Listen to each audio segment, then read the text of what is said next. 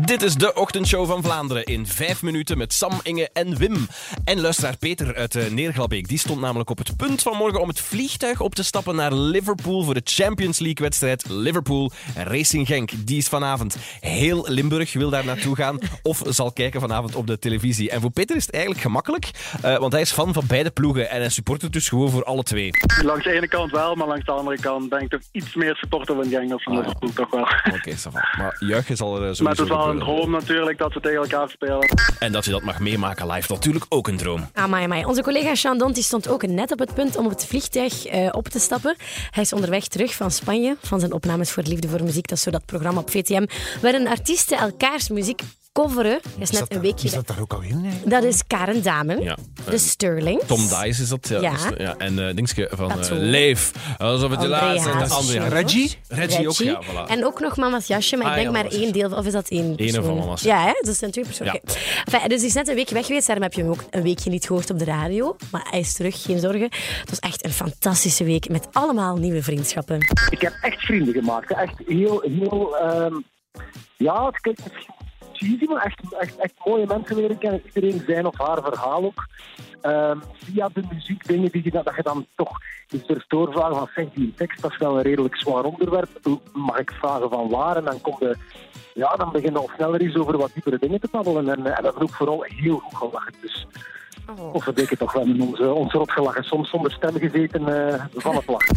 Hoe ze dat dan hebben gedaan, dat weet ik niet goed. Want ze moesten iedere avond liedjes Ja, zingen. Maar... Zonder stem. En uiteraard heeft hij allemaal vriendschappen gemaakt. Chandon, die kan dat goed. Hè. Ja. Vrienden worden met Ja. iedereen. Ja. We hebben hem ook gevraagd wat zijn lievelingscover was van een van zijn liedjes.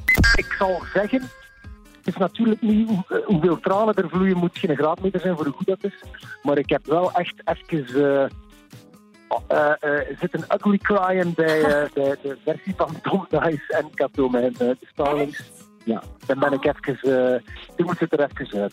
Amai, dus het liedje van Tom Dice en Cato? Heeft hem doen blijten. Ja, dus een van zijn liedjes die Ja, gecoverd is door door hen. Oeh. Dat is mooi. Ik ben echt super benieuwd naar welk liedje dat gaat Wanneer zijn. gaat dat uitzenden eigenlijk? Dat dat nog even kan Voorjaar, duren. waarschijnlijk. Ja. is. Zeg, eh, er was beestig nieuws vandaag in de ochtendshow. Eh, het nieuws over eh, de huisdieren van onze luisteraars eigenlijk. Zo is in Houthulst de afzettingsprocedure gestart voor de balletjes van Puma. Ja, ik weet het. Puma is een poes van zes maanden en het is nodig dat zij baasje Petra...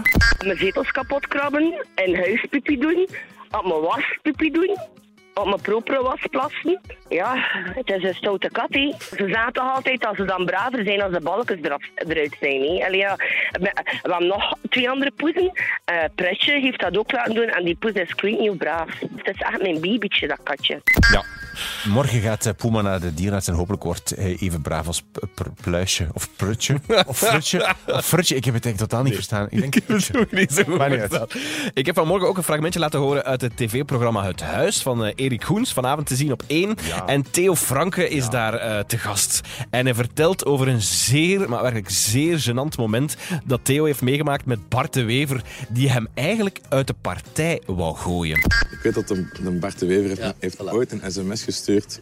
Een razend kwade sms over mij naar Bourgeois. Maar die vergist zich, die stuurt dan naar mij. ik zat op het kabinet en ik rijd. Ik, oeh. Wat stond En erop? Dat durf ik niet zeggen.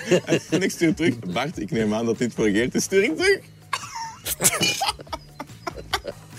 Je moet daar ook keihard mee lachen terwijl hij bijna uit die partij lacht. Dat is toch eigenlijk. Zeg, we gaan vrijdag een matrassenrace doen. Dat hebben we nog nooit gedaan. En eh, waarschijnlijk gaan we dat één keer doen en dan ook nooit meer.